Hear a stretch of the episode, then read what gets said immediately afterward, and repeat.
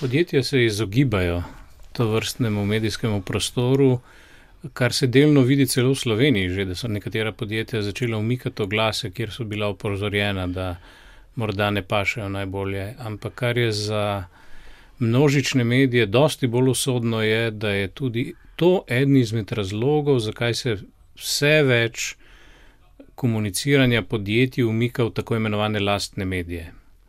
Skratka, to je zelo podobno, kot če si predstavljamo trgovine. Ne? Imamo tržnice, ki so javni prostori, kjer se meščani srečujejo, kupujejo, prodajajo, ali pa imamo sodobne nakupovalne centre, ki so pa v bistvu zasebni prostori in kjer lahko z varnostnimi službami nadzorujete, kakšne vrste ljudi se sprehajajo v njih.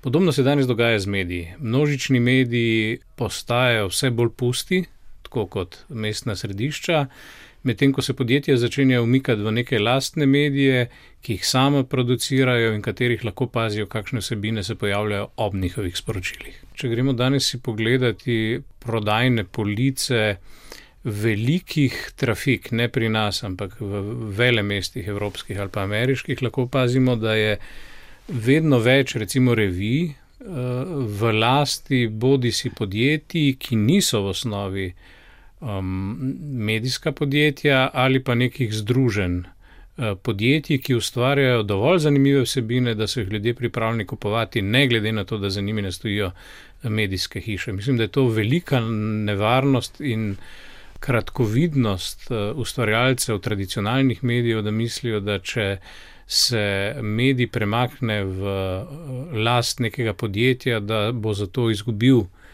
bralce, gledalce, poslušalce. Ni, ni nujno tako.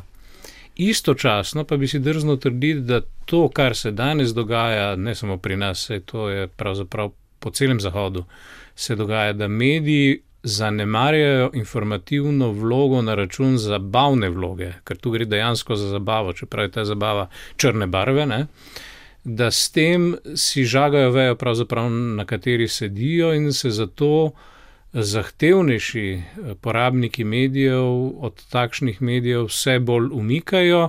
Mediji zato izgubljajo bralce, gledalce, poslušalce in na neki način dobimo spiralo navzdol. Lastništva medijev se spreminjajo, odnos do informacij, do zgodb se spreminja. Odnos do zasebnikov se spreminja. Kdo bo posameznika sploh še lahko zaščitil? V Sloveniji smo na tem, da je očitno, da etična samoregulacija ne deluje več. Zato se bojim, da edina, ki bo delovala, je ta, ki pač deluje v kapitalističnem svetu, in to je, potrebujemo dovolj visoke dobljene tožbe proti medijem, da se bodo začeli resno spraševati, kakšne pravice državljani še uživajo.